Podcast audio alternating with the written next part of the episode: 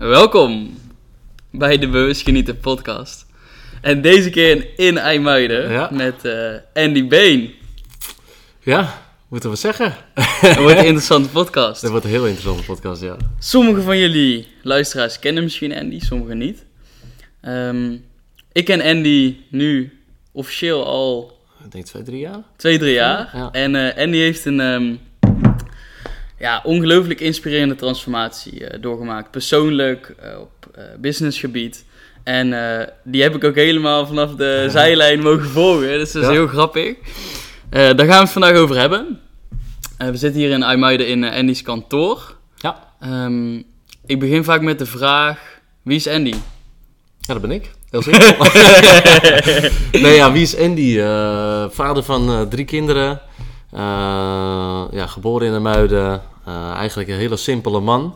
Maar wel met een hele grote visie om de beste toekomst voor mijn kinderen te bouwen. En ja, daar ben ik nu mee bezig met eh, Sales Domination. Prachtig, Ja, dat is prachtig. eigenlijk heel kort. Ja, helder. En sales domination. Ja. Wat is sales domination? Ja, wat is sales domination? Kijk, ehm, sales is in mijn optiek de aller, allerbelangrijkste skill die er is. Mhm. Want ja, het draait natuurlijk om communiceren, et cetera, alles erop en eraan. Nou, en ik vind dat je dat gewoon moet beheersen. Dus ja, ik leer mensen echt de skill sales. En ik leer ze dan ook eh, gelijk een verdienmodel eraan te koppelen. Door ze daadwerkelijk aan de opdrachtgever te koppelen. Maar ik ben gewoon heel erg geïnspireerd ja, door sales. Eh, nou ja, zoals je weet, mijn reis begon daar natuurlijk. Ja. Eh, en ja, dat leer ik nu de mensen zelf in mijn coaching business, man. Helder. Ja. helder. Oké, gaan we gelijk even terug naar, eh, naar waar het allemaal begon. Ik weet, jij bent eh, altijd heftruckchauffeur eh, chauffeur geweest, Ja. toch? Ja. Dat deed je gewoon 40 uur per week. Ja. Oké. Mensen, luister. Andy is voor mij echt, als het gaat om gas geven en gewoon geen excuses verzinnen, de allergrootste inspiratiebron in Nederland. Oprecht. Ja, op- oprecht man. waar. Ehm, en eh, ja, als ik jou zie, dan zet je me altijd weer ergens zo aan van let's go. Die mannen hier voor mij had een eh 40 uur werkweek Ja. eh, als heftruckchauffeur. Daarnaast heeft hij dus twee kinderen en een vrouw. En daarnaast deed je ook nog kickbox training. Personal training, ja, ook nog. Personal ja. training deed je. Ja. En hij stond iedere ochtend om 5 uur in de gym. Ja. Elke ochtend fotootje, 5 uur in de gym. Fucking ziek. Dus ehm, ja, hoe, eh, vertel daar eens over. Dus jij was heftruckchauffeur. Em, Had je eigenlijk toen ook al een bepaalde visie van ik wil iets anders? Of hoe, eh, hoe startte dat? Nou, niet per se. Kijk, ik was heftruckchauffeur en ik heb altijd met plezier gedaan. Hè. Dat ik, Mhm. ik bedoel, was eh, gewoon makkelijk werk. Eh, ja, het is net veel toch auto aan het rijden bent. Ja. Soms al wat werkdruk. Ik verdiende gewoon goed. Mhm. Kijk, en als jij op, in, in zo'n omgeving zit met allemaal mensen die dat ook prima vinden en goed vinden, Mhm. dan leer je eigenlijk niet out of the box te denken, zeg maar. Mhm. Ja, social media is er natuurlijk. Dus ik zag eh, heel veel mensen eh, die aan het ondernemen waren. Die zag ik zitten met een eh, laptopje in Thailand. dikke auto's, dikke horloges. En ik dacht echt bij mezelf van... Wat de fuck doe ik verkeerd? Ja, ja. Is dat niet voor mij weggelegd? Of hoe moet ik dat realiseren? Dat wist ik allemaal niet. Dus toen ben ik me eigenlijk eerst gaan verdiepen in mindset. Eerst even te kijken van... Oké, ja, hoe kom ik daar bij die gasten? En wat moet ik daarvoor doen? Ja, toen werd ik eigenlijk heel bewust dat ik dacht van... Oké, ik ben dus eigenlijk de oorzaak dat ik hier zit. ja. Want ik denk helemaal niet wat eigenlijk mogelijk is met mijn mindset. Mijn mindset was gewoon heel erg standaard geprogrammeerd, zeg maar. Hè? Van, nou ja, je moet een diploma halen, je moet werken, één keer per jaar op vakantie, verdien gewoon een beetje geld. Dus zo was ik geprogrammeerd, zeg maar. En dat is niet erg. Maar ja, toen ik achter mindset kwam, toen dacht ik, fuck man, denk, ja, dit kan heel anders. ja. Dus toen ben ik stappen gaan nemen. Toen dacht ik, ik ga dropshippen. Nou, daar kwam ik heel snel weer op terug, want dat was echt niks voor mij. Eh, toen heb ik e-mail marketing geprobeerd. Nou, dat was nog meer niks voor mij, zeg maar. Ja. Want ja, ik was heftig, ik was heel onhandig met computers natuurlijk. Ja. En ik kreeg een MacBook en ik wist niet eens, eh, want normaal had je altijd control, alt, delete en dat soort dingen. Maar met een MacBook is dat dus command. Nou, dat wist ik dus niet, dus ik moest zelfs op Google gaan zoeken hoe dat ding werkte. Ja, toen kwam sales. En daar eh, was jij part of the team. Ja, ja, oké, leuk. Heel grappig hoe je het vertelt, want heel veel raakvlakken ook weer. Ja, Eh, bij mij begon het ook, eh, nou ja, eerst heel verder terug met spiritualiteit, toen in aanraking met mindset. ja. Begon bij jou ook met het boek, eh, in ieder geval veel verandering, ehm, Master Your Mindset? ja, want die kreeg ik bij de Dropship Academy. Oh, echt? Wat Ja, ik, dacht, ik had eerst gewoon zo'n webinar bijgewoond. En ik dacht gewoon, fuck man, ik denk, dit ga ik doen. Ik had die webinar gezien, ik was helemaal ingepakt natuurlijk. Ja, gewoon ja, gewoon ja. verkooppraatje. Ja, ja, ja. Maar ik was helemaal ingepakt. En toen had ik dus dat traject genomen. En toen kreeg ik dat boek. Dus toen ging ik dat echt lezen. dacht ik, ja man, ik denk, dit is het man. Dus ja, Mastermind is echt het begin. Echt een, tot op de dag van vandaag nog steeds echt een supergoed boek, man. Ja, ja. er staan echt 100%. heel veel inzichten in. Heel veel confronterende vragen naar jezelf Ja. toe. Dat je echt denkt, waar ben ik mee bezig? Ja. Kijk, en voor sommige mensen, die, kijk, ik ben er niet van overtuigd dat iedereen zomaar moet gaan ondernemen. Dat iedereen Mhm. gewoon het beeld van vrijheid en zo. Want kijk, als jij een hele grote passie hebt eh, voor mensen helpen. En jij bent bijvoorbeeld chirurg. Mhm. Ja, dat echt je passie. Ja, waarvoor zou je dan gaan ondernemen? Ja, Snap je? Dus ik ben er niet van overtuigd dat iedereen maar moet ondernemen. 9 to 5 is prima. Mhm. Maar je moet wel altijd je passie leven, vind ik. Ja, ja, als je maar doet wat je leuk vindt. Als je wat je leuk vindt. Als je het niet leuk vindt, ja, dan moet je wat anders gaan doen. Precies, precies. Dus ja, dat vind ik wel belangrijk, man. Helder. Ja, en toen begon dus ook met dropshippen daarna. Dat Ja. was bij mij ook. Ja, oh, Voor- ook. Ja, ja voor, voordat ik bij. Ray eh, was, deed ik dus dropshippen. Was malle. Ja. Vier uur s'nachts Heb je omzet eh, gedraaid of niet? Twee sales van mijn moeder. ja, ik heb helemaal geen sales gedraaid. Dus, eh, Oké, nou ja, maar ik voelde ook wel van, ah, ik- het voelt niet helemaal goed, zeg maar. Nee. Voor mij persoonlijk, ja, ik vind dropship allemaal leuk, maar ik begon me af te vragen, ja, wat draag ik nou eigenlijk bij, zeg maar. Weet je wel, Ja. consumeren, ja, ja, eh, eigenlijk niks. eigenlijk niks. Nee. Dus, ehm, nou ja, en toen vervolgens inderdaad bij Ray terechtgekomen. Dan gaan we daar even naartoe. Ehm dat heette toen de tijd, nu, nog, nee, nu niet officieel niet meer, maar in ieder geval de Secret Skill. Ja, En daarin leerde je voor de mensen die, eh, nou, die denken, waar hebben we het over? Ehm, leerde je dus sales, high-ticket sales. Ja. High-ticket sales houdt in wat duurdere producten die Ja. wat serieuzer zijn. eh, tussen de 1000 en 10.000 euro. En dan vang je dan een commissie over. En eh, nou, dat zag ik toen helemaal zitten. Want wat mijn, waarom ik echt besloot om daarin te gaan investeren en daarvoor te gaan, was dat je drie wins hebt. En help je een andere persoon met een Ja. eh, juiste beslissing maken. Omdat ja, je, je geeft gewoon een duwtje in de rug Ja. voor iemands eh, levensverandering. ja zeker. En vervolgens help je het bedrijf aan meer Ja. omzet. En als laatste help je natuurlijk jezelf aan commissie. En kun je overal ter wereld werken waar je wil. Zeker. En dat wilde ik heel graag. Ja, Ehm, dus toen, ja, toen ben ik daarmee gestart. Toen, toen ben jij ik... zo voor mij, toch? Ja, ik was voor jou. Toen ben ik daarmee begonnen. Ben naar Portugal gegaan, ook vrij snel aan het begin. Oh ja, ja. die toen op een gegeven moment, toen nou, zaten we er even in en ik eh, was er toen nog wel vol in toen jij eh, ook kwam. Maar ik had toen wel een bepaalde struggles ervaarde Ja. zelf. En eh, nou, toen ben je erbij gekomen bij de, de- bij de Secret Tools. Ja, En dat was een product en dat was een, wa- was een laagschalig product. ja 97. 97 jaar. Nou, en deze man die kwam daarbij. Besef hè, jongens. Ik was echt ziek hard aan het strukken. Ik was al een jaar eh, allemaal Ja. keihard bezig. Maar ja, het ging niet helemaal super lekker als ik keek naar hoeveel uren ik erin stond Ja. en wat ik uit haalde. Man kwam erin. Pats. In de eerste week 20 sales, pats. Gewoon, eh, ik weet niet hoe snel het allemaal Kapot ging. maken. En ik dacht echt, wat gebeurt hier, weet je wel? Ik ben hier een jaar bezig. En hij, pats. Ja, man. gewoon, dat was, ja, dat was zo Ja, ziek. dat was echt heel ziek, ja. Maar ook, ook, zeg maar, niet alleen dat, maar ook gewoon vol Gewoon rammen. bak rammen. Ja, Ja, dat- helemaal mooi. Ehm, vertel, hoe is dat voor jou gegaan toen? Nou ja, ik eh kon Remy wel een tijdje van zijn reclames. Mhm. Ja, ik moest altijd lachen als ik zijn reclames zag. Mhm. Gewoon, eh gewoon goede vibe, veel energie, goede gast. En eh, ik was toen lid van de Millionaires Club. En toen hadden we een netwerkevent. En dan gingen we voetballen in het stadion met Boef en met Vasco en zo. Mhm. Maar ik zat bij Ray in het team. Dus ik was gewoon met hem aan het connecten, gewoon aan het praten. En eigenlijk niks eh, uit ontstaan.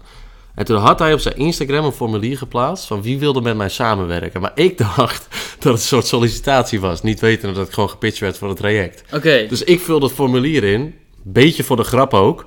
Maar ook wel gewoon serieus. Mhm. En hij eh appt mij in één keer. Hij zegt, dit is oprecht een van de best ingevulde formulieren die ik gehad heb. Dus hij belt mij. Eh, maar ik stond ook op het punt van weggaan hoor. En eh nou, begon te vertellen over het traject en zo, bla bla bla. 4000 euro.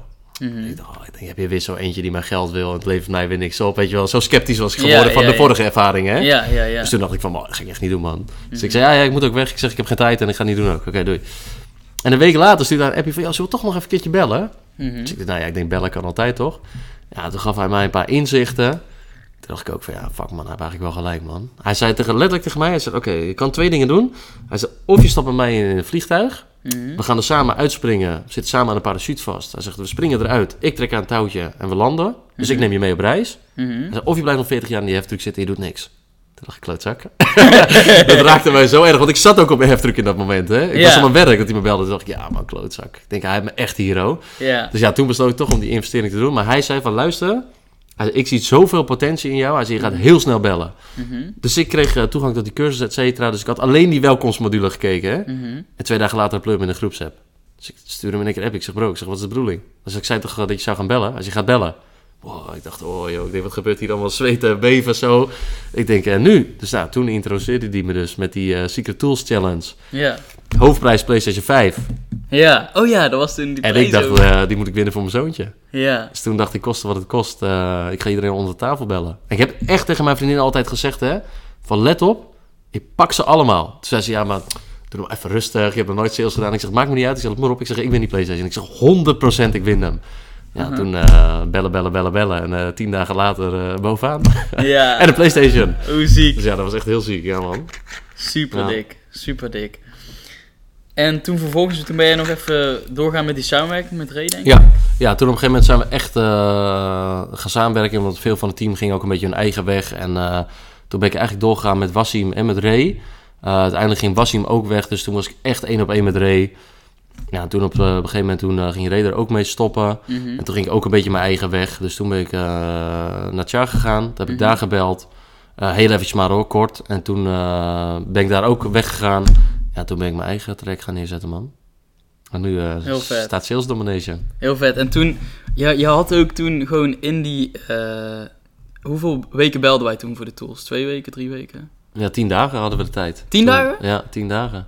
En toen had jij in tien dagen hoeveel? 61 sales. 61 dat was omzet? Eh 2500. Dus 2500. verdienen een maandsalaris in tien dagen tijd. Ja, insane. Terwijl ik een week in het traject zat, toen dacht ik, oké, ik denk, dit is het. Ja, Hier ben ik goed in. Ja, en toen heb je ook gewoon moeten zien van, oké, er is echt ja, veel eh, mogelijk. weet je wat het is? Het moet tastbaar zijn. Ja, Snap je? Dus kijk, bijvoorbeeld met dropshippen, als je dat gaat neerzetten, eh, begrijp me niet, eh, ik bedoel, elk verdienmodel werkt zolang jij werkt, zeg maar. ja, 100. 100. Maar kijk, als jij gaat dropshippen, er zit heel veel voorbereidingstijd aan vast. Mhm. Je moet een webshop oprichten, je moet eh, product research doen, je moet alles doen, je moet adverteren, je moet maar hopen dat je een winnaar hebt, zeg maar. Mhm. Er zijn allemaal strategieën en dingetjes voor, maar dat duurt gewoon een tijdje. Mhm.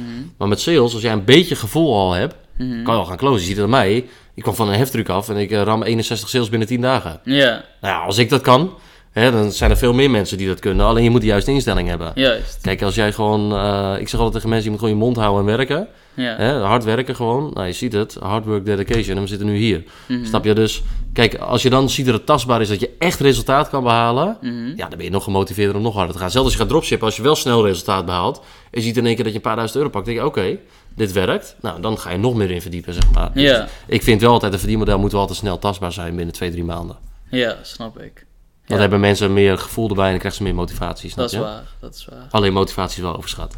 Ja, je hoort ook... Ja, dat klopt. Dat klopt. Motivatie komt en gaat, man. Je moet discipline hebben, dat is het belangrijkste.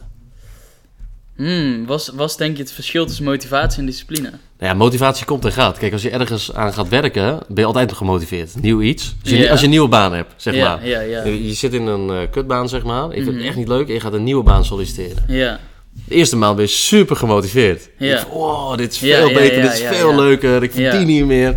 Na een maand ga je dezelfde irritaties krijgen als op je oude werk. en heb je geen zin meer. Ja, Maar ja, als je dan discipline toont... Kijk, je moet gewoon altijd komen opdagen. Je moet Mhm. altijd het werk erin stoppen, want het resultaat ligt altijd om de hoek, zeg maar. Mhm. Hetzelfde, kijk, eh, met sporten. Jij hebt ook een passie voor sporten. Je bent helemaal ripped as fuck. dus, kijk, maar als jij niet van sporten houdt, maar je doet het voor je gezondheid... ja, dan weet je dat het moet gebeuren. ja. Dan kan je wel denken van, ja, ik ben vandaag niet gemotiveerd, ik heb geen zin, ik ga niet. Nee, dan moet je gaan. Ja, En dan toon je discipline, als je gewoon gaat. Of je nou zin hebt of niet, je moet gaan. Dus. Het werk moet er altijd ingestopt worden. En daar gaan veel mensen de fout mee. En ook met verdienmodellen leren. Die gaan van cursus naar cursus naar cursus. Omdat ze denken van ja, hier ben ik gemotiveerd. Na een maand denken ze, ja, dit is toch niks. Nou, volgende verdienmodel. Ja, Terwijl als je gedisciplineerd bent en je weet van tevoren, oké, ik kan hier resultaat uithalen. Ik kan niet groot mee worden, maar ik moet wel gedisciplineerd zijn. mhm. En dat is het grote verschil. Je moet altijd komen opdagen. Je moet altijd het werk erin stoppen. En als je niet bereid bent om dat te doen, dan moet je niet aan beginnen. Precies. is mijn visie, hè? Helder, helder. Ja, oké, daar wil ik wel op toevoegen. Want ik zeg altijd, eh, bij mij komen er ook wel eens mensen eh, waarmee ik trajecten doorloop Ja. van, ja, discipline is nog een stukje waar ik meer aan wil werken. Ja, Ik zeg altijd, en ik ben benieuwd wat jij erop kan toevoegen. Het enigste wat je nodig hebt is een super heldere why. ja daar begint erbij. it. Ja, Zeg maar, als jij heel goed weet waarom jij iets gaat doen, ehm, dan ontstaat dat vuurtje en dan ontstaat die discipline automatisch. automatisch. Ja, man. En die motivatie.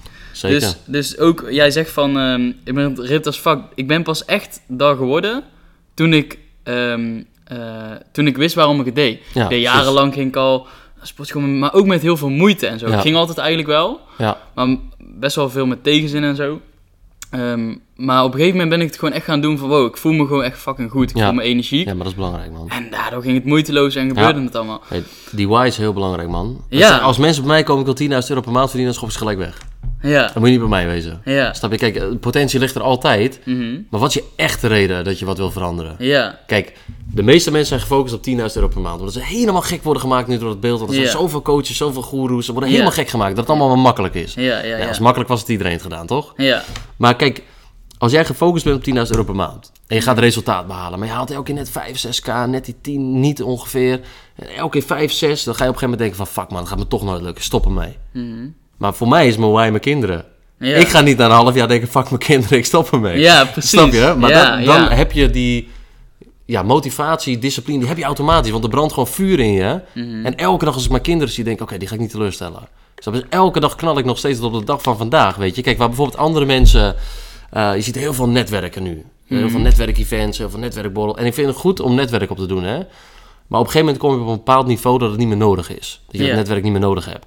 Maar kijk, dan gaan andere mensen op een netwerkevent staan. Die gaan elkaars kop lopen, afzuipen. En die gaan dat soort dingen. Maar ik ben altijd met mijn bedrijf bezig. Altijd. Ik ben niet op dat soort dingen. Omdat ik gewoon weet... Ik wil de toekomst van mijn kinderen veiligstellen. En van die kinderen en van die kinderen. Ik wil heel legacy opbouwen. Dus ik ben altijd bezig met mijn bedrijf. Mhm. Oké, hoe kan ik mijn bedrijf beter neerzetten? Hoe kan ik ervoor zorgen dat mijn klanten meer resultaten gaan behalen? Hoe kan ik ervoor zorgen dat ik zelf nog beter ga worden? Daar ben ik altijd mee bezig. Mhm. En als je die focus, die discipline hebt, dat komt uit een why. En als ik gewoon denk van ja, ik wil 10k verdienen. En het resultaat blijft uit, denk ik, ah, fuck it, stop mee. Ga wat anders proberen. Snap je? Dat is echt belangrijk, man. En hoe daar ben ik wel benieuwd naar, want ik ben natuurlijk bezig dan onder andere met de toekomstbouw van jouw kinderen. Maar het is natuurlijk ook belangrijk dat je eh, tijd en aandacht Ja. aan jouw kinderen spendeert. Hoe houd je die balans? Vind je dat lastig? Of? Nou, in het begin wel, want ik, eh, kijk, eigenlijk met een 9 to 5 had ik meer vrije tijd. Oké. Klinkt heel gek, want Ja, dan is het gewoon om vier uur spullen neerleggen naar huis en thuis. ja. En dan, dan, dan- ja, Dan heb je geen dingen meer aan je hoofd, zeg maar. Maar als nu, als ik thuis op de bank ben, zit het altijd met mijn telefoon. Mhm. Dus dan app die weer eventjes, dan heeft die me weer nodig, dan dit weer. Ja. Maar op een gegeven moment wil je gewoon je bedrijf gewoon goed semi-automatiseren. Ja. Kijk, Ik zou nooit mijn bedrijf volledig automatiseren, omdat mensen heel graag met mij willen werken. Ja, ja. Als ik dan ga zeggen van, joh, ja, je komt niet met mij te werken, maar ik verkoop wel één op één traject, dan klopt dat niet. Nee, precies. Zeg maar. Dus ik wil altijd verbonden blijven aan mijn bedrijf. Ja. Maar de dingen die ik kan automatiseren, automatiseer ik wel. Dus bijvoorbeeld mijn sales calls, die doe ik niet meer zelf. Mhm. Ehm, ik heb nu ook wat coaches in het programma. Dus ik geef wel nog steeds coaching, maar wel wat minder. Mhm. En gewoon ja, de hele back-end, dat is gewoon geautomatiseerd. Dus ik geef nu gewoon coaching. En ik ben echt gefocust op klanten aan de binnenkant. En die sales calls en zo doe ik niet meer. In het begin deed ik dat wel. Ja, Toen werkte ik 70, 80 uur per week. Toen dacht ik op een gegeven moment, wow, ik denk, ik verdien nu best veel geld. Maar ik heb eigenlijk helemaal geen tijd. Nee, nee, Eh, nee. Er gaat iets niet helemaal goed. Dus toen ben ik gewoon aan een oplossing gaan zoeken. Ja. Nou, toen heb ik een management gevonden, die runnen nu mijn bedrijf. Mhm. eh, vanuit de backend, zeg maar. Ja, dan heb ik veel meer vrije tijd. Ja. Dat is gewoon belangrijk. Ja. Anders heb je veel geld en geen vrije tijd. Dan heb je er nog niks aan. Dan ben je niet, met je, ben je niet voor je kinderen bezig. Dan ben je voor jezelf bezig, snap je? En dat is niet de bedoeling. Super mooi. Super mooi, man. En ehm, even kijken, jij hebt die. Jij, ja, we hadden net heel even kort gesproken. Toen zei je van in november ben ik echt gestart met mijn bedrijf. En ehm, ja, toen, toen ging het eigenlijk vrij snel aan het begin al gelijk goed, toch? Ja. Je, je had in 20 Ja. dagen 20k gedraaid. 20 k eruit. Insane. Ja, En is dat consistent doorgelopen? Ben je aan het opschalen? Of hoe ja eh, het is alleen maar nou- opgeschaald, man. Ja, man. Maar kijk, ik had ook best wel een grote naam al, hè. Mhm. Dus dan is het wel iets makkelijker om zoiets op te starten. Plus, kijk, ik doe iets in een hele andere niche, zeg maar. Want je ziet Mhm. eigenlijk alleen maar bol.com, dropshippen, branding, eh, cursus, eh, eh, crypto cursussen. Dat zie je eigenlijk vooral. Maar in sales zijn er relatief weinig mensen. Klopt. Dus ik was de eerste, ja, dan word je eigenlijk, eh, na, nadat Ray dan gestopt was. Hè, dus Mhm. ik was eigenlijk de eerste van echte één op één coachings en zo. Mhm. Ja, nu zie je wel een paar mannetjes erbij komen, maar die neem ik niet heel serieus. Maar kijk, dan ben je automatisch al snel de grootste. Mhm. En ik had al mijn naam natuurlijk mee, dus dan is het wel wat makkelijker, zeg maar. Maar ja, goed, je moet het wel goed aanpakken. Je moet wel gewoon mensen resultaat laten behalen. Anders kan je wel heel snel veel draaien en kan je groot blijven. Eh, en de grootste zijn bedoel ik heel snel, maar dan ook heel snel kan je naar beneden vallen. Ja. Dus je moet wel altijd jezelf scherp houden en zo. Ja, ja, ja, ja, Dus, ja, eh, zeker. Dat de kleine concurrentie opkomen is ook wel goed. Houdt me weer scherp. Dan nog meer gas geven. Mooi, mooi, mooi.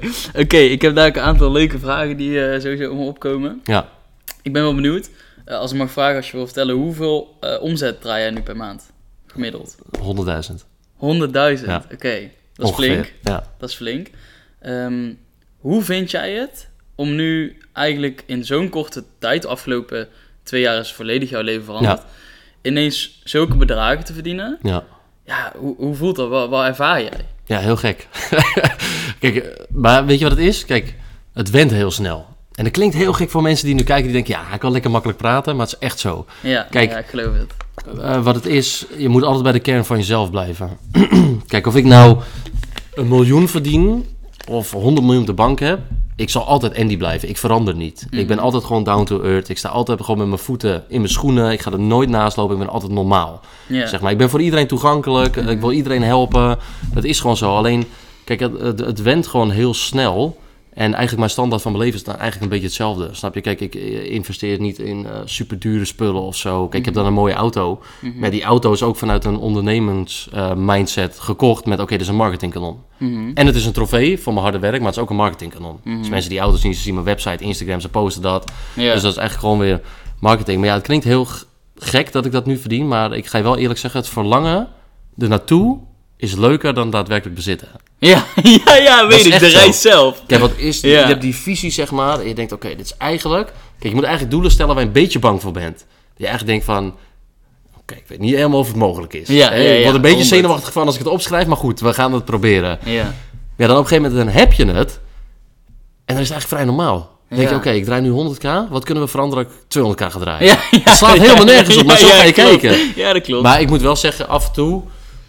Ja, moet ik wel even beseffen gewoon. Ik reed vorige keer ook op de snelweg. Toen was ik naar een, eh, onderweg naar een feest van een grote vriend van me. Die had een heel netwerkevent van eh 600 mensen. En daar kwam ik gewoon echt op hem te supporten, zeg maar. Mhm. En toen zat ik onder, onderweg in de auto. En toen reed ik zo. Toen had ik een lekker nummertje aan. Toen keken ze om me heen zo. Ik kreeg een glimlach op mijn gezicht. Toen dacht ik, fuck man. Ik heb het wel even geflikt, man. Ja, En dan heb je wel even dat besefmoment. En als je nu ook ziet met wie ik omga. Ja, ik heb echt een hele kleine cirkel, zeg maar. Ik ben er heel selectief mee. Mhm. En, maar voor mij is het, is heel snel normaal, zeg maar. Dat je dan met die jongens zit. Maar nu denk ik wel ach, echt af en toe... Ik ben wat bewuster ervan, zeg maar. Ja, dat ik echt denk van... Het is fucking speciaal eigenlijk, man. Ja, het is echt niet ja. voor iedereen weggelegd gewoon. Ja, Maar eh, echt trots op kijk, je moet wel gewoon... Ik vind altijd, je moet nooit veranderen. Nee, Wie je aan het begin was, die moet je altijd blijven. Ja, Maar nogmaals, kijk, de reis er naartoe is leuker dan dat werk. Het wordt snel normaal. Mhm. Maar je moet wel af en toe even beseffen gewoon van... eh, ja, dit is wel echt eh, een trofee, zeg maar. Het is wel Ja. echt allemaal eventjes eh, gedaan. Ja. En het begint allemaal bij jezelf. Hè? Je moet zelf het werk erin stoppen. Mhm. Maar ja, ik ben van eh, niet lullen, maar poetsen. Ja. Dus gewoon gas geven en rammen. En dan zien mensen zelf het resultaat wel. ja. Welk sterrenbeeld ben je eigenlijk? Tweeling. Tweeling? Ja. Ah, oké. Ik dacht misschien je Ram. Ik ben Nee, Ram. nee, nee, tweeling. Ik weet niet waar het voor staat, maar ik heb er nooit onderzoek gedaan. Maar, Mijn ma is ook tweeling. Ik weet er niet zoveel van. Nee, ik ook niet hoor. ik had niet zo weten. Nee, dus dat is het man. En eh, ja, zo is het eigenlijk gegaan man. Maar kijk, ik ben altijd Ziek. bezig met mezelf. Ja. Snap je? Dus er zijn ook heel veel mensen die zijn bezig met anderen. Mhm. Die gaan denken, oh ja, maar hij draait zoveel. eh, wat, wat kan ik van hem pikken, zeg maar. Hè, die zijn eigenlijk allemaal elkaar een beetje naar beneden aan het halen, zeg maar. Van, oh, kan ik van hem een beetje pikken en van hem. Maar ik ben altijd gefocust op mezelf. Ik volg bijna niemand, ik hou niemand in de gaten. Mhm. Want de kern ligt bij jezelf. En als je uitgaat van je eigen krachten en je stopt dus met kijken naar anderen... Mhm. Bro, dan ga je, dan ga je Ja, echt groeien gewoon. Je moet alleen bezig zijn met jezelf. 100%. En veel mensen gaan daar de fout mee in. Die worden bijvoorbeeld zenuwachtig van, oh, hij draait 100k. Oh, wat kan ik van hem pikken? Wacht, ik ga eh, misschien even stories in de gaten. Ook een beetje marketingstrategieën pikken. Mhm. Maar dan doe je niet wat bij jouw jou- kern ligt, juist, zeg maar. Wat jouw juist, kernwaarde is. Ja. En ik, mijn stories allemaal, ik freestyle het allemaal. ik, Mhm. ik pak gewoon een Google Drive sheet. En denk, oké, ik ga pushen vandaag. Wat ga ik schrijven? Bro, ik begin gewoon te typen en dan staat Ja. in één keer zo'n storyline. En, Ja. denk- en dan lees ik hem en denk ik, oké, dit is fucking goed. Dat ga ik posten. Snap je? Het komt uit mezelf, zeg maar. Is Hetzelfde met wat ik op social media laat zien. Kijk, heel veel doen allemaal hetzelfde. Ik had net hiervoor voor de podcast met jou over. Die Mhm. doen allemaal reels maken. Mhm. Allemaal een beetje dezelfde setup. En gaan alleen maar waarde delen. Mhm. Maar ik deel gewoon wie ik ben. Mhm. En mensen raken door mij geïnspireerd. Die denken van, wow, kijk hem met zijn kinderen, man, dat wil ik ook. Mhm. Of eh, kijk hem met het netwerk, dat wil ik ook. Of kijk hem, weet je. En af en toe deel ik wel wat waarde tussendoor. Mhm. Maar ik wil gewoon laten zien wie ik ben. En ik wil gezien worden als on- ondernemer en niet als een of andere goeroe of zo. Want dat ben ik gewoon niet. Ik ben Ja. gewoon nog steeds een normaal Andy. Voor iedereen toegankelijk. Maar ik wil mensen wel inspireren. Van, hé luister, dit is wel mogelijk, mits je het werk erin stopt. Ja. En dat wil ik gewoon laten zien. Ik wil gewoon laten, gewoon laten zien wie ik ben. Dat is het belangrijkste. Je moet nooit eh, afwijken van je eh, kern, vind ik. Ja, ja, heel krachtig man. Ik denk dat dat ook een van jouw krachten Ja, is man. waarom, waarom het zo Ja. gaat. Zeker. Netjes Rammen. man. En ik, ik heb ook, eh, daar ben ik wel benieuwd naar. Ik weet niet wat je erover kan delen, maar ik zag iets langskomen van een nieuwe samenwerking. Ja, Met Mobicep en Joey Bravo. ja dat klopt, ja. What's gonna happen? Ja, dat mag ik niet zeggen. Mag helemaal niks over zeggen? Nee, Nul. nee, nul, Oké, ja. oké. Hou, hou ons in de gaten, blijf ons volgen. Ja, ja, Dat is ja, wat ik kan zeggen. Oké, leuk. Ik ben heel benieuwd, man. Ja, komt eind van eh, komt, eh, Q4 komt het sowieso. Oké, oké, dat is zijn, al eh, vrij snel. ja, we zijn hard bezig. Mhm. Dus eh, ja, dat gaat goed komen, man. Vet. Wordt wel next level. Ja? Nou, ik ga er mee zeggen, wordt wel next level. Je moet wel echt blijven volgen. Ja, het is leuk. Nice. Ik ben benieuwd, wat, ehm, wat vind je nu... ehm, nee, nee, nee. Die vraag ga ik trouwens eerst stellen. Om nog heel even door te gaan op... eh, hè, je verdient nu iets heel anders dan, dan twee jaar geleden. Ja, Eh, met, met, een, met het potje waar je twee jaar geleden verdiende, dan, hè, dan stuur je geld naar bepaalde dingen toe. Ja. Een beetje vrij normaal. Hoe doe je dat nu? Want ik weet wel dat, dat je ook veel ziet. ehm, hè, eh, gastjes die, weet ik veel, bijvoorbeeld een paar eh, 10k maanden Ja. draaien met dropship of zo. Maar die een mindset niet helemaal helder op orde hebben. En ook niet een, een eh, financiën van hè, Ja. waar, wat ga ik met mijn geld doen. Ja. Maken het op Ja. en staan weer zo goed als bij hetzelfde. ja, die zit in de luxe red race. Ja, ja, ja. hoe, hoe verdeel jij eh, jouw geld? Nou, wat ik doe... ehm, kijk, ik ben natuurlijk grote ondernemer. Dus wat er binnenkomt, de helft gaat aan de Belastingdienst. Ja. Daar hou ik rekening mee, zeg Mhm. maar. Dus kijk, ik investeer veel. Ik heb natuurlijk dit kantoor. Eh, ik investeer in die auto. Ik investeer veel in mijn klanten. Mhm. Ehm, maar ik zet altijd wat er per maand binnenkomt, 50% aan de kant. Gewoon voor de veiligheid. En als je ruzie krijgt met de Belastingdienst, dan eh, ga je geknipt en geschoren. Dat wil ik nooit. Mhm. Nou, ik leg 50% aan de kant. Ehm, dan die andere 50% ehm, die verdeel ik, zeg maar. Dus wat ik doe, ik geef mezelf gewoon salaris. Gewoon 3000 euro per maand salaris. Mhm. Daar kan ik gewoon prima van rondkomen. Tegenwoordig niet meer met die energierekeningen, dus ik moet er iets meer geven. Oké, ja, ja. ja. Nee, maar dan geef ik mezelf gewoon een salaris. En de rest, dat investeer ik allemaal. Of ik investeer het in mezelf, of ik investeer het gewoon crypto, aandelen. Ik leg wat opzij voor vastgoed. Mhm. Eh, want ik wil gewoon een vermogen opbouwen voor de toekomst, snap je? Ik woon nu nog bijvoorbeeld in een huurhuis. Ik wil heel graag een mooi groot huis kopen. Maar ja, ga ik nu niet doen voor de tijd van nu. Ja, dan kan je wel gaan kijken, oké, wat vakantie leg je er bijvoorbeeld in het buitenland... om daar een vakantiehuisje te kopen, die te verhuren. Dus ik investeer of al het geld in mezelf... of Mhm. ik investeer het ehm, eh, in aandelen, crypto, et cetera... of ik investeer het gewoon in mijn bedrijf. Ja. Dus eigenlijk al mijn vermogen gaat gelijk weer terug. Dus kijk, je verdient 100k per maand... maar het is niet zo dat ik 100.000 euro per maand Nee, op de tuurlijk. bankrekening heb... en dat ik alles kapot kan slaan eh, in de pc of zo. nee? Dus ik ga er wel gewoon zuinig mee om. Want je, en je bent altijd veilig voor de belasting. Maar je bent ook voor de toekomst gewoon wat aan het opbouwen. Ja, en ik geloof heel erg in de kracht van crypto. Dus eh, ik stop daar eigenlijk het meest in. Mm, Al in. Netjes. En Geen dan, advies trouwens hoor. eh, nee, nee, nee. En dan vooral Bitcoin Ethereum? ja, Of? ja, ik focus me niet op eh, altcoins. Echt gewoon Bitcoin Ethereum. Omdat die gewoon stabiel zijn. Twee grootste coins. Dus eh, Ja, ik ben benieuwd wat het gaat doen. Ik denk Ja. dat het nog even duurt. het gaat wel even duren. moment- Maar eh, als het gaat dan... eh, jongens, dan moet je vasthouden. Moet je gewoon om doen. Want dan gaat het echt heel hard. Ja. Ja, man. Oké, nice. En heb je dan ook, zeg maar, van die potjes zo, dat je die echt daarin stopt iedere Ja, maand? ja, Ja. ja. ik probeer gewoon elke maand gewoon een vast bedrag erin te zetten. Heel verschillend per maand natuurlijk. Uh, maar het ligt er ook aan of ik in mezelf ga investeren of in het bedrijf. Mhm. Zeg maar, want dan ga ik gewoon wat minder daarin stoppen, zeg maar. Maar ik Ja. ben eigenlijk altijd gewoon de helft opzij aan het leggen en de andere helft investeren en leven. Ja, ja, helder, helder. Ja, dat is ook een tip voor, voor de mensen thuis. Ja, je, hoeft, je hoeft helemaal geen 100k per maand te verdienen om, om die potjes te hebben. Ik raad iedereen aan. Eh, ik heb zelf ook eh, verschillende potjes. En dan stop je gewoon steeds percentage van jouw inkomen Ja. in. En ook al is het maar eh, bij wijze van spreken twee tientjes.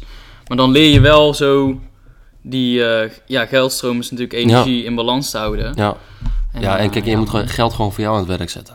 Mm. Dat is gewoon belangrijk. Want als je Ja. geld op de bank laat staan, dan gebeurt er niks. Nee, precies. Dan ga je- dan ga je- dan ga je domme dingen doen. verdampen. Ja, maar dan ga je domme dingen doen ook. Ja, ja, ja. ja Want dan ga je denken, kijk, oké, ik heb 2000 euro gespaard. Hmm. Ja, die Dior schoenen, die wil ik eigenlijk wel heel lang. Ja, die zijn 1000 euro. Maar ja, ik heb toch 1000, 2000 euro. Hou ik nog 1000 euro over ook. Zo kijken de meeste mensen, hè? Ja, ja, ja. Ja, Ja, als je die 1000 euro bijvoorbeeld in bitcoin zet en je kijkt een half jaar later, heb je misschien in één keer 2000 euro. Dan denk je, hé, hey, wacht, ik haal de 1000 euro uit. Nu ga ik die Dior schoenen halen, maar dan laat ik die andere 1000 euro staan. Ja, Nou, dan heb je gratis geld. Ja. Zo moet je zien. Zo, zo zou ik kijken dan Ja. bijvoorbeeld. klopt. Snap je?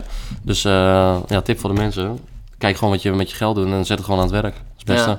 Ja, ja 100%. Ja, ik had laatst ook gehoord, dat vond ik wel mooi. Eh, niet allemaal natuurlijk, maar de meeste mensen die, ehm, eh, die je heel veel op straat ziet en eh, eh, met een oudje van 5k rondlopen en eh, van alles, dat Ja. kan. Maar vaak zijn die mensen het armst. Ja, ja, ja. en de mensen die het rijkste zijn, zie je niks. Ja, maar weet je wat is? Je moet daar gaandeweg achter komen, hè? Kijk, als jij, kijk, dat ik heftruckchauffeur was, Mhm. zag ik gast op Instagram, die zag ik eh, Dior schoenen kopen. Dan dacht ik, man, dit 1000 euro, dit ben je toch helemaal gek in je hoofd gewoon. Ja, Maar dat zeg je omdat je het niet kan betalen. Ja. Maar op een gegeven moment ga je geld verdienen. En ik heb het zelf ook ervaren. Hè? Mhm. En toen had ik zo hard gewerkt, ik had zoveel geld gewoon verdiend, dat ik gewoon dacht, oké, één keer naar de PC Hoofdstraat. Want ik wil dat gevoel gewoon ervaren hoe dat is. Omdat ja, je komt natuurlijk van, van helemaal niks. Mhm. Dus dan is het ook logisch dat je op een gegeven moment wat wil doen waar je altijd naar verlangd hebt. En dat je dacht van, oké, ik wil echt voelen hoe dat is. Dus ik ging naar de Dior winkel. kocht twee paar schoenen, kocht een tas voor mijn vrouw, ik kocht een overhemd, weet ik veel. Ik moest een paar duizend euro afrekenen. Maar ik kon het gewoon betalen. Dus ik dacht gewoon van, nou, ik wil even ervaren. Maar ik zeg je eerlijk, bro, dan heb je die spullen. En ik kreeg eh, die schoenen zijn duizend euro. Ik kreeg gewoon pijn in mijn voeten. Ja. Ik, kreeg, ik kreeg gewoon pijn in mijn voeten. van- Ik kan niet eens op lopen. Ik kan niet de hele dag op die schoenen lopen. Ik kreeg gewoon pijn in mijn voeten. Die overhemd. Ik had hem aan de eerste keer. Ik dacht echt, wow. Ja, dat zit echt lekker, man. Goede kwaliteit. Ja. Bro, twee keer was het. Dat ding is te klein. Ja, ja. Ik dacht gewoon 1000 euro voor een overhemd. Dus Ja. dan kom je ook weer tot het realisatiemoment van... Oké, ik heb het een keer ervaren. was heel leuk om te doen. Mhm. Maar dat doe ik niet snel nog een keer. Nee. Ik vind het gewoon zonde. Ja. En nu loop ik gewoon kleren van de Sumo. Schoenen van 50 euro. Weet je, ik kleed me liever zo. Gewoon netjes, representatief. Dan dat ik hier met Dior... Kijk, wat mensen gaan ongeacht... Gaan ze ook wat van je vinden op een gegeven moment, hè? Uh-huh. Kijk, als jij op een gegeven moment keihard gaat... En jij gaat op een gegeven moment alleen maar de dure merkkleren lopen. Je laat alleen maar alle merkkleren zien. Dan gaan mensen ook een oordeel over je krijgen. Wel, kijk dan, hij helpt mensen. Maar ik koop zelf allemaal designer shit. Ja, ja, Daar moet je altijd voor waken. Ja. Snap je? Dus ik laat het ook sowieso nooit zien, hè? Want je hebt heel veel mensen... Die gaan dan bijvoorbeeld naar de PC Hoofdstraat... Gaan story maken, dat ze de straat in komen rijden. Ja. Zitten ze in de Dior, gaan ze een fo- foto maken in de Dior winkel. Uh-huh. Hebben ze schoenen gekocht, gaan ze een foto van die schoenen maken. Ja, ja, ja. ja. Maar je gaat een heel negatief eh, publiek aantrekken daardoor. Want mensen gaan een hekel aan je krijgen als je dat doet. Ja. Snap je? Dus ik doe dat sowieso. Ik laat het sowieso nooit zien. Kijk, en als ik een keer een video schiet ik met mijn kinderen loop. En mensen zien dat ik die schoenen aan heb. Ze weten heus wel wat die dingen kosten. Dat zien ze toch wel. Mhm. Snap je? Maar kijk, omdat je er zo erg naar verlangt. Zo lang naar hebt verlangd, zeg maar. Mhm. En je kan het dan op een gegeven moment kopen. En je hebt het dan. Dan kom je eigenlijk weer tot het besefmoment van... Ja, het is eigenlijk helemaal niet belangrijk, man. Het is eigenlijk gewoon een random... Zelfs als een andere schoen, zeg maar. Deze schoenen Ja. lopen veel lekkerder. 50 euro. is veel Ja. beter. Ja, Dus toch? ik, kijk, ik snap wel dat mensen het kunnen doen, zeg maar, als je het geld niet had. Je hebt het nu in één keer. Alleen ja, je moet er niet in losslaan. Dus veel mensen slaan erin los. Mhm. En dan eh, hebben ze op een gegeven moment geen geld meer. Maar wel heel veel designerspullen. Wat niks meer waard is. Precies. En dat is Veel gewoon ermee. Ja. Ik ga heel even tussendoor checken. Ja. Die even aanstaan. Jazeker. Dat staat nog aan. Lekker.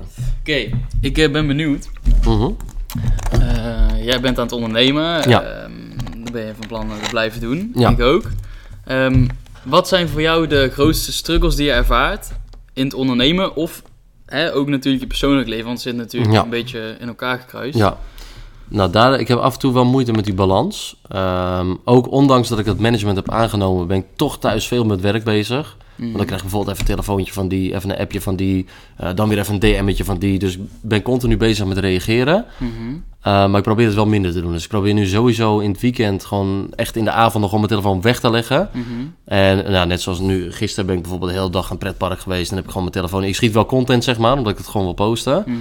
Uh, maar dat vind ik af en toe wel lastig om die balans te vinden. Maar daar ben ik nu gelukkig ja, wat beter in. En wat ik af en toe wel lastig vind, is om echt keiharde leiderschap te tonen, man. In de zin van?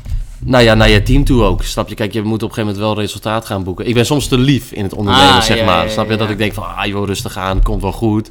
Ik heb een hele rustige manier van leiderschap, zeg maar. Dat ik Mhm. gewoon rustig ben. Alleen ja, soms moet je ook gewoon keihard zijn. Mhm. Als het resultaat uit, eh, uitblijft, dan moet er wel op gehamerd worden, snap je? Ja, en daar ja, heb ik ja. soms wat moeite mee, omdat ik niet als persoon zo ben. Nee. Dus daarvoor heb ik management aangenomen. Ja, gewoon iemand die heel erg resultaatgericht is. Ja. En ik ben dan wat rustiger. En als er wat ja, harder eh, leiderschap moet worden getoond, dan doet hij dat voor mij. Want daar eh, ja, ben ik gewoon een beetje te zacht voor, man. Ja. Dus eh, daar heb ik wel moeite mee. Ik ben te aardig, zeg maar. eerlijk, te te ja. lief, zeg maar. Te eerlijk, ja, zeg maar. Ja, af en toe moet je wel gewoon eventjes ja, zeggen waar het op staat, man. Dus daar, daar heb ik af en toe wel moeite mee. En ik had natuurlijk toen twee keer twee maanden Instagram weg. Mhm. Nou ja, Instagram is mijn grootste lead generator. Mhm. Eh ja, toen geen leads meer. Ja. Ik dacht, ja, nu? Dan ga ik twee maanden geen geld verdienen. Ja, kijk, dan ben ik er weer van overtuigd dat het universum je een teken geeft van... hé, hey, luister, je doet het niet helemaal goed, je moet even kijken. Of dat ze zeggen van, je bent er nog niet helemaal klaar voor, voor het grote resultaat. Dat kan ook. Mhm, mhm. Hè, dan moet je gewoon even in jezelf gaan kijken hoe je bent als persoon. Mhm. Uh, maar ja, toen heb ik gewoon gekeken in oplossingen van oké, wat kan ik ervoor doen om nu nog steeds leads te genereren? Dat heb ik de, bijvoorbeeld de focus op Facebook en op TikTok gelegd. Nou, nu ben ik groter op TikTok dan op Instagram. Mhm. Dus kijk, je kan met obstakels denken in problemen.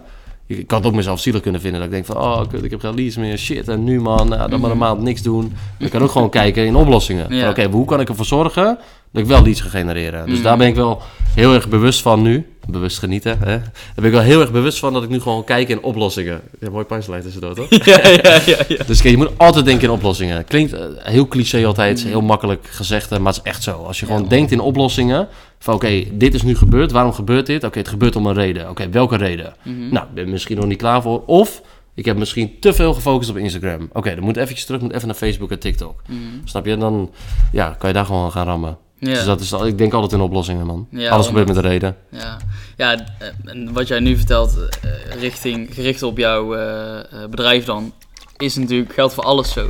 Ja, deze affirmatie heb ik er ook echt vol. Ja. Dus ik denk in oplossingen en mogelijkheden. ja, Maat, eh, twee jaar geleden, ik dacht negatief la in problemen en slachtofferschap. Van, oh, het is mij overkomen, ik ben zielig, Ja. ja. ik kan er niks aan doen. ja, Eh, nu, ik denk in oplossingen en de mogelijkheden, er ontstaat een probleem. ja. Pas, komt gelijk in de gedachte in mijn hoofd van, 100%. oké, en wat kan ik hiervan leren? En Maar je moet daar wel bewust van zijn. Ja? Dat zijn veel mensen niet. Want ik dacht vroeger... Kijk, als ik nu had ge- gedacht bijvoorbeeld van... Oké, ik heb geen leads.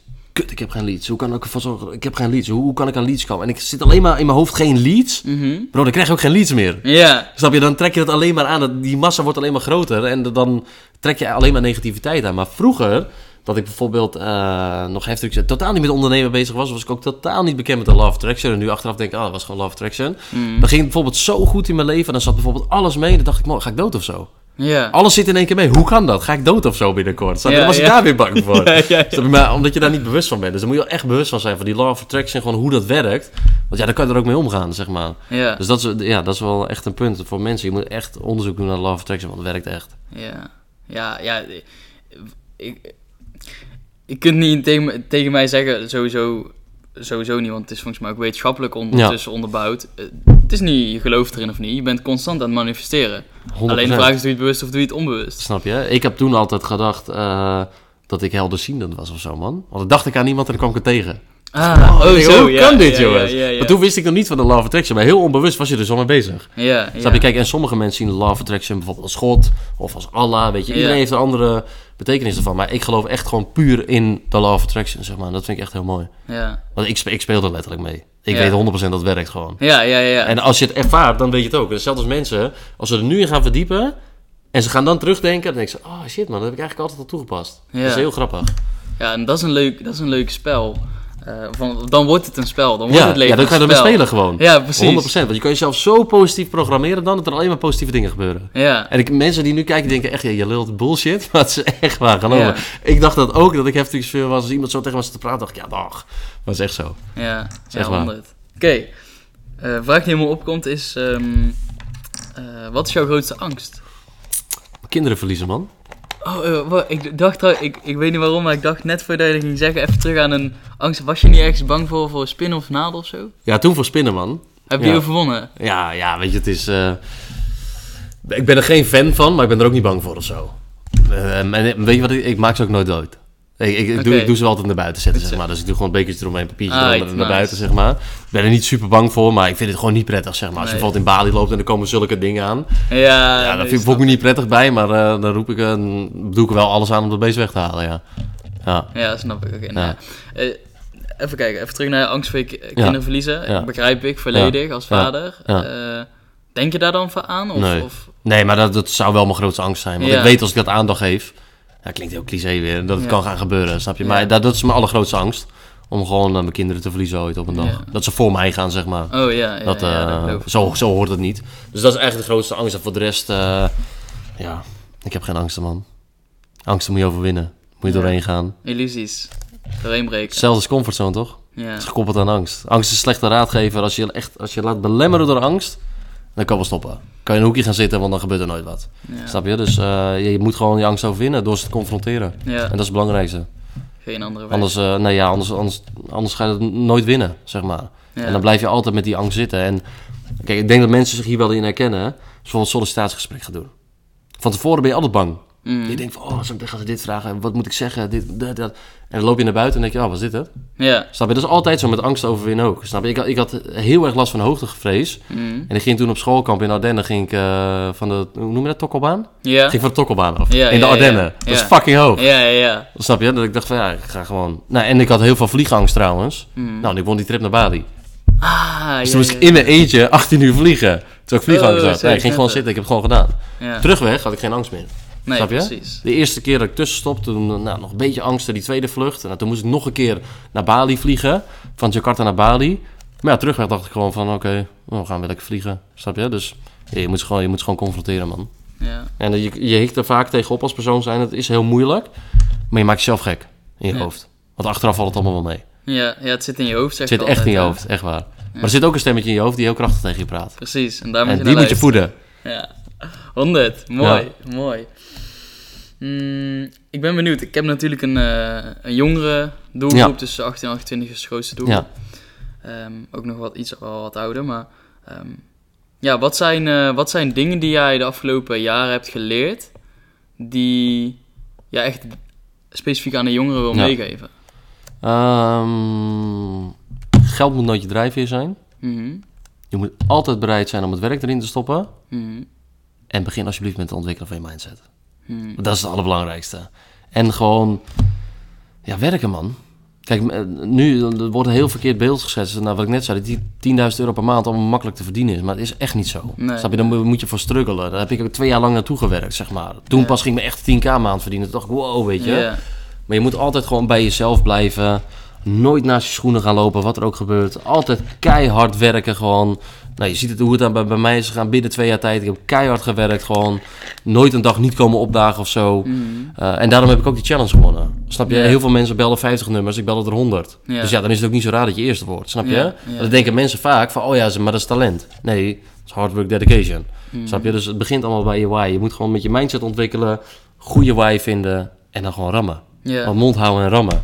En dat is echt, ja, dat zijn drie tips ja, waar je gewoon succesvol mee kan worden, man. Ja. ja, ook echt zo bizar gewoon. Ja. En die twee jaar geleden zat je in je fucking heftig. Ja. Maar ook ik, hè, twee jaar geleden. Ja?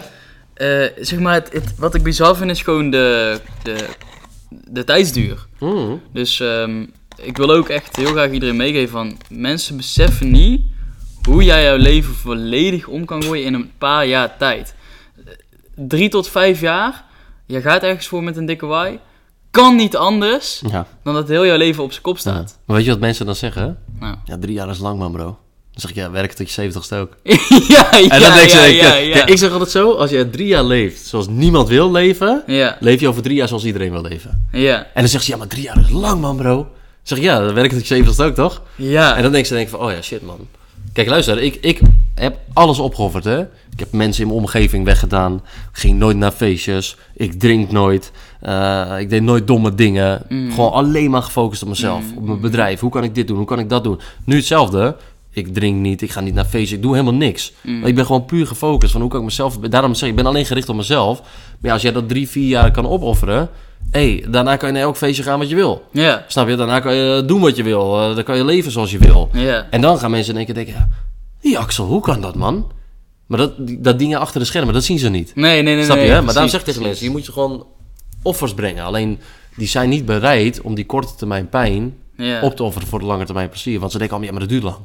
ja, En ze willen snel resultaat. Snel, snel, snel. ja. Mensen komen bij ik voor 10.000 euro. Ja, wanneer? Ja, gisteren. Ja, ja. is niet de juiste Ja, instelling, zo zijn we natuurlijk. Dat, dat is gewoon die programmering weer, Dat- hè? Van eh, je werkt er Ja, maar maar, je je niet krijgt je hè? loontje en ja. Op, op social media ook, je ziet niet anders gewoon. Je ziet alleen maar 10k, 10k, 10k, 10k. Ja, dus automatisch, dan trek je die 10k. Dan denk je, ja, maar, maar ik het wil is ook 10k. Het is ook, eh, het is ook wel lastig, want kijk, eh, bijvoorbeeld ik post, post een reel of een bepaalde foto van, van mijn reizen die ik maak. Ja, Ja, mensen vinden het niet interessant als ik achter mijn laptopje zit. Snap Nee. je? Dan kan ik wel een keer eh, op de foto zetten, maar niet constant. nee. Dus dat is ook een beetje, beetje lastig. En, en ja, eh, ondernemen is, eh, is in het begin hard werken. En uiteindelijk ben ik wel, ik ben, ben mezelf nu meer aan het programmeren. Ja, En ook meer aan het leven van, hoe kan het nog moeitelozer? ja, ja, Ik heb van Roy, die eh, had laatst ook een event eh, gegeven, moeiteloos manifesteren. ja. Dat is leuk, maat. Ja. ja, maar kijk, je hebt verschillende manieren van manifesteren bijvoorbeeld ook. Ja, hè? ja, Kijk, ja. want sommige mensen die gaan echt met hun ogen dicht zitten in de yoga-houding manifesteren. Uh-huh. Ik rijd bijvoorbeeld naar de Mercedes-dealer. Ik ga in die, Oké. auto, ik ga in die auto zitten. Snap je? Real life of- Gewoon real life. Gewoon. Ja, of ja, ja, of ik, eh, wat ik bijvoorbeeld doe, en ik woon in bij de Bloemendaals in de buurt, Mhm. ga ik door die villa in wijk heen rijden. Ga gewoon rijden. Ik ga, oké, hier ga ik laten wonen. Oké. Ik heb een hele andere manier van... hè, Sommige mensen die zien het echt voor zich, echt als een filmopname. Maar ik doe het echt in real life. Als ik Oké. een Rolex wil kopen, ga ik naar de Rolex winkel. Dan ben je Pas denk- dat ding gewoon. Ga gewoon kijken. Eh, ook al kan ik het niet betalen, dan ga, dan ga ik, zeg ik gewoon, ik moet er nog over nadenken. Typische sales objection. maar goed, en dan zeg ik gewoon, ik moet er nog over nadenken. Maar die auto die ik heb gekocht, eh, wanneer was dat? 22 oktober. Nog een scherm, eh, schermafbeelding. Ging naar een dealer toe met een goede vriend van me. Ik zeg, maat, ik zeg, ik heb zo'n AMG gezien die ik wil. Ik zeg, zullen we gaan kijken? Maar ze zegt, ik ga wel een beetje mee, toch? Mhm. Ik ga in het ding kijken. We gaan rondrijden. Mijn zoontje mee. Mhm. We gaan rondrijden. En ik sta voor een stoplicht. Ik doe mijn hand aan het stuur. Ik maak een foto. Ik doe hem als achtergrond. Mhm. En ik zit onderweg terug. Ik had er helemaal de scheid in. Ik, was, zag, ik zei tegen die maat, ik zei, hoe kan het zo zijn dat ik nu niet die auto zo kan aftikken en kan meenemen? Zei, wat doe ik verkeerd? Ik heb er dagenlang mee in mijn maag gezeten, gezeten. En het is maar materiaal. Maar als je dat doel hebt gesteld en je komt echt van niks en je wilt het echt hebben... Nou, dan ben je net een klein kind in een snoepwinkel die geen snoepje mag. Ja.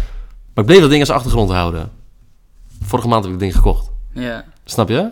Omdat ik er zo onbewust gewoon mee bezig ben. Dat ik, oh, ik denk, oh kut, ja, maar geen, fuck, ik moet het ding hebben. Snap je? Vorige maand heb ik gekocht. Ja. Snap je? Is maar materiaal. Het geluk zit er niet in. Want Mhm. dat denken heel veel mensen. Maar het is wel voor mij een trofee voor mijn keiharde werk. Plus het is een marketingkanon. Maar snap je, zo manifesteer ik bijvoorbeeld. Dus ik ga gewoon ergens heen. Nou, dan ga ik gewoon kijken of ik, eh, ja, rijd bijvoorbeeld eh, door een villa-wijk. Dan ga ik gewoon huizen kijken. Maar dan ga ik gewoon kijken. Maar door die huizen word ik geïnspireerd. En automatisch trek je die gedachten dan aan. Snap je? Dus ja, zo, zo manifesteer ik. Interessant. Ja. Da- Dan denk ik dat jij, ehm, ik weet niet of je ooit van hebt gehoord, eh, iedereen heeft ze allemaal. Alleen Ja. bij de ene is de ene meer ontwikkeld. Je hebt dus eh, visueel, auditief en eh, kinetisch, als ik het goed zeg. Kinestisch, kinetisch. Ja. Dat is meer op gevoel. Ja. Dus dan werkt het voor jou veel krachtiger Ja. om zeg maar te gaan voelen Ja. hoe het is. Dus als jij in die AMG zit, weet je al, dan Ja. voel je dat. Ja. Ik heb, ben zelf vooral vi- visueel, dus Ja, maar daar had ik heel veel moeite mee in het begin. Want ik, ik, kon het niet, ik, ik kon het dan niet echt voor me zien, snap je? Ik Ja. vond het dan heel moeilijk om dat beeld echt te zien, zeg maar. Maar ja, net zoals dit kantoor. Eh, ja, dat heb ik bijvoorbeeld wel visueel gedaan. ja. Maar dan ook in mijn gedachten gewoon. Hè? Dus ik zie het dan niet voor me, maar dan denk ik gewoon van... Oké, later wil ik echt succesvol worden, wil ik echt een kantoorruimte. Dan wil ik Mhm. gewoon dit erin hebben, dat erin hebben. Maar ik zie het niet voor me. Mhm. Maar ik ben er wel met mijn gedachten mee bezig, snap je? Dus ja, dat visuele heb ik heel veel moeite mee. Ehm, maar ja, ik visualiseer het eigenlijk wel. Op een andere manier, zeg maar. Dat is voor iedereen verschillend. Maar het, ja, het- dat het werkt is 100% waar. ja. Kijk, en ook wat jij net zegt... Van, eh, dat je zegt van ja, maar ik wil niet foto's, eh, eh, video's van achter mijn laptop plaatsen, want vinden mensen niet interessant. Mhm. Wat vind jij ervan? Vind jij, dat je, vind jij dat fijn om te posten? Kijk, veel mensen die posten niet, Mhm. omdat, andere, men- omdat ze dan denken, ja, maar die andere mensen vinden het niet interessant om naar te kijken. Mhm. Maar jij bent Axel. En als jij dat fijn vindt om te posten, moet je Ja, posten. nee, 100% Nee, maar daar gaan heel veel voor. mensen fout mee. Ja, ja, die gaan dan kijken van... kijk, ik had bijvoorbeeld ik had een test gedaan. Ik had die review van die auto gedaan. Had ik een hele cameraman ingehuurd en zo had ik er echt een dikke video van gemaakt. Oké. Ik post dat ding, 600 likes. Zoveel keer gedeeld, bam. Helemaal viraal dat ding. Mhm. Post een keer van- een video met mijn kinderen. Met een fucking belangrijke boodschap erin. Echt gewoon over dat je tijd moet maken voor de kinderen. Echt gewoon een life-changing boodschap. Mhm. 50 likes. Ja, ja, ja, ja. Snap je? Dus dan kan ik ook denken van, oké, wacht even.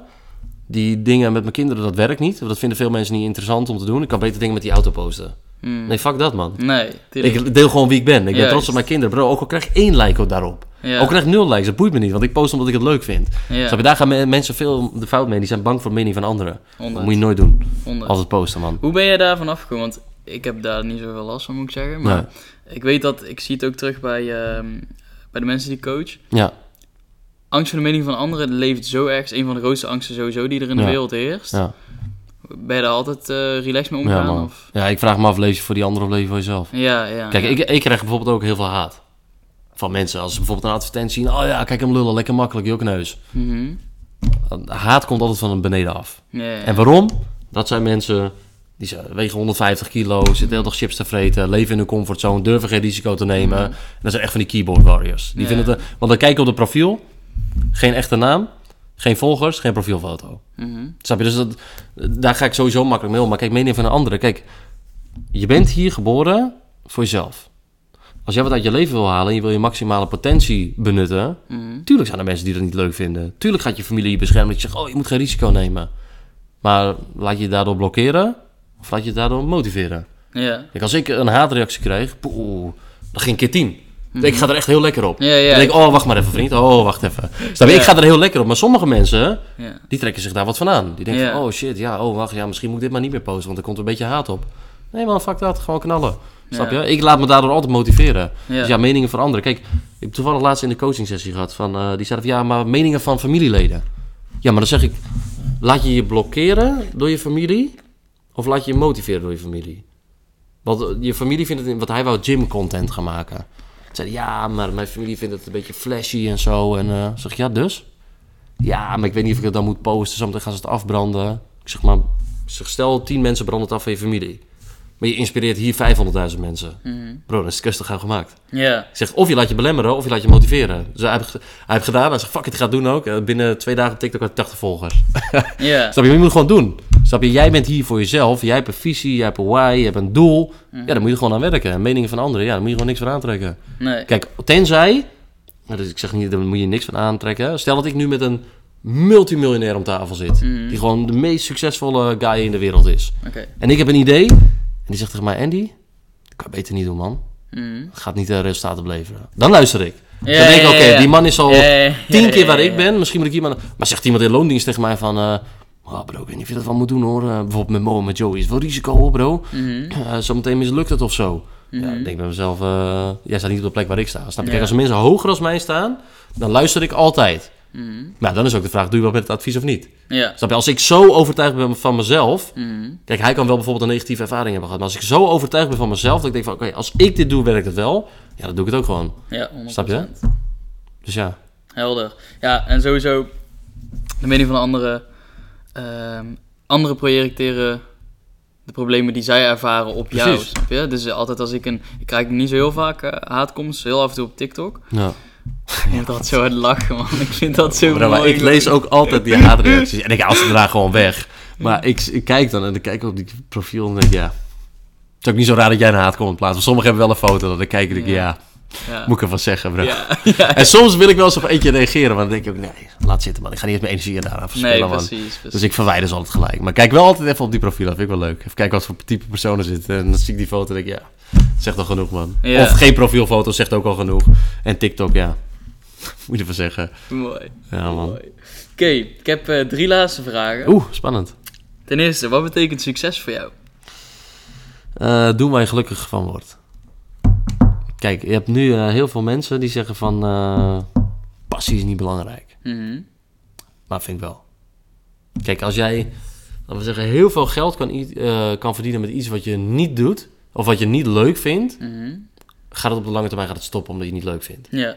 Kijk, je kan dan wel ook wel zeggen aan de andere kant... ja, maar je moet gewoon drie jaar knallen in je mond houden... zoveel mogelijk geld verdienen. Mhm. Maar wat is de kern waarvoor jij bent gaan ondernemen? Om geld verdienen? Kijk, ik mm, help bijvoorbeeld andere mensen. Ik inspireer andere mensen en ik vind het echt leuk en daar haal ik voldoening uit. En ook de geld voor vragen is niet raar. Mhm. Want geld is gewoon, kennis is gewoon geld waard. Snap je? Maar kijk, als jij maar alleen bent gebrand op geld verdienen, ja, dan moet je niet doen wat je leuk vindt. Maar ik doe liever minder geld verdienen en, En doen wat ik leuk vind. vindt. Ja. Want dan voelt het nooit als werk. Ik kom hier altijd met glimlach op kantoor. denk ik, oké, nou, kijk, top, wat hebben we vandaag? Ga ik even kijken. Nou, ik ga even een pushje eruit gooien. Ik ga even dit doen. Oh, ik heb een kick-off call met die. Oh, die komt langs kantoor vandaag. Ik vind het gewoon leuk. Snap je? Dus ja, ik zou wel altijd kijken van wat is je passie? En doe wat je leuk vindt. Dus ja, de definitie van succes is gewoon doen wat je leuk vindt. Doen waar je gelukkig van wordt. Ik ben er heel gelukkig van dat ik met, met mijn kinderen ben. Oké, wat heb ik daarvoor nodig? Geld. Dus ik moet wel geld verdienen. Nou ja, wat vind ik leuk om te doen? Sales. Waar ben ik heel erg goed in? Sales. Dus nou, dan is 1 en 1 is 2. Snap je? Ja, ja, Maar iedereen zijn definitie van succes is anders. ja. Voor sommigen is het wel geld. Of eh, vrijheid. Maar ja, vrijheid is ook heel cliché. Wat is voor jou vrijheid? Ja, ja, ja. Weet je wel? Het zit van binnen in mijn beleving. Daarom, snap je? Is voor jou vrijheid de wereld rondreizen of ligt het van binnen? Ja. Snap je? Kijk, voor mij is de vrijheid gewoon van binnen. Van kijk, ik wil er altijd voor mijn kinderen kunnen zijn. Ja. Nou, die luxe positie die heb ik nu. ja. Snap je? Dat is voor mij het teken van vrijheid. Ik hoef niet de hele wereld rond te reizen en weet ik van. Tuurlijk, ik vind het leuk, Mhm. maar dat hoeft niet per se. Nee, Dat is precies. niet mijn doel. Ja, mooi. Mooi, ja. De tweede vraag, die sluit er volledig op aan, is wat betekent nou geluk voor jou? Ja, dat is ook wel heel lastig, man. Ik wil gewoon heel gelukkig als ik met mijn kinderen ben. Ja. Dat is voor mij het meest gelukkige. Kijk, eh, vroeger werd ik echt gelukkig als ik een sale had gemaakt, bijvoorbeeld. Mhm. Dat ik echt dacht van, fuck yes man, ik heb deze overstreep ik heb een sale gemaakt. Maar ja, nu, kijk, eh, als gewoon mijn bedrijf gewoon goed loopt. Ik kan mijn kinderen alles geven qua aandacht dan, hè. Dus niet eh, Mhm. qua materiaal of zo, want ze zijn niet heel veel wend. Ze moeten, eh, ik leer ze wel gewoon alles over geld, hoe het werkt, Mhm. zeg maar. Ehm, ja, definitie van geluk, ja, voor mij mijn kinderen. Heel simpel. Hmm. Maar stel je, stel je kinderen zijn er niet. Ja, Stel, die zijn er gewoon niet. Je Ja. had geen kinderen. ja. Wat betekent het dan voor jou? ja moeilijk. Dat, dat weet ik niet, want ik heb kinderen. Snap je? Oké. Dus Ja. dat, eh, ja, dan weet ik het niet, man.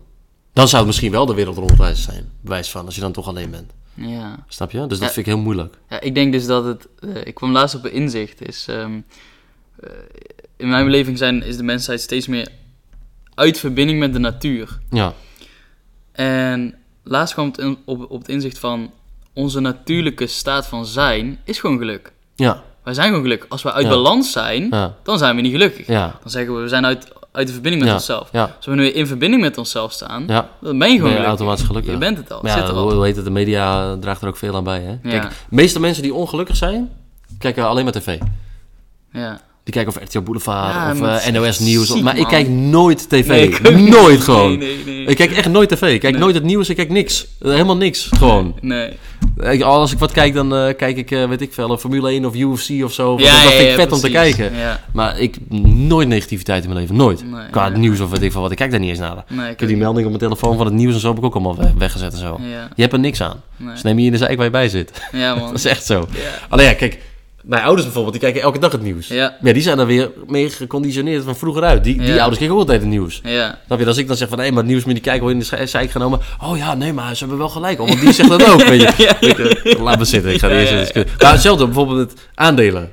Als ik bijvoorbeeld tegen mijn ouders, ik zei toen van, ah, ik ga naar aandelen. Nee, dat moet je niet doen, want wij hebben vroeger in een beleggingsfonds gezeten en die hebben alle geld kwijt genaaid. En je, die hebben een negatieve ervaring daarmee gehad. Ja, ja, ja. Dus ja, die, die mensen kan je ook niet overtuigen. Nee. Dat moet je ook niet proberen. Nee, dat hoeft ook Nee. niet. Oké. Mooi man.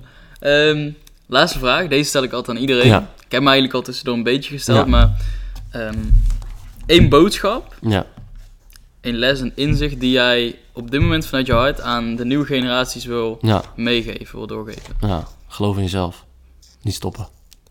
Dat is heel simpel. Ja, mooi. Want je geeft pas op als je stopt. En dat moet je nooit doen. Ja. En vertrouwen in jezelf houden. Ook al wordt het moeilijk. Ik heb het ook moeilijk gehad. Het is ook niet allemaal zomaar in- van twee jaar tijd in één keer hap zo gegaan. Ik heb het ook moeilijk gehad. Eh, maar je moet gewoon nooit stoppen. En altijd in jezelf blijven geloven. Want iedereen, daar ben ik heilig van overtuigd, is in staat tot grootheid. Ja. Maar je moet wel de juiste elementen toepassen. Dus hard werken. Mooi, mooi.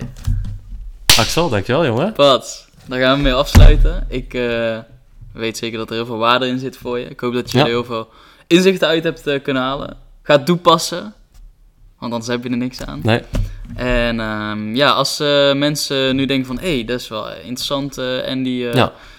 wat hij doet of wie die is. gewoon op Instagram. ja, en die ben Kunnen ze jou- official kunnen ze me gewoon Ja, ja, volgen. ik zet het linkje Ja, sowieso top. Maar op Instagram kunnen ze jou het beste contacteren? Ja, of ja, Instagram ben ik het meest actief. Ja. Oké, Oké, nice. Dus ja, mocht je daar interesse in hebben, dan voel je vrij. Link staat in de beschrijving. En verder, eh, ja, wil ik je bedanken, man. Ja, jij bedankt voor de uitnodiging, Super mooi man. gesprek. Dus eh Tot de volgende keer. dankjewel. En geniet bewust van het moment. Yes.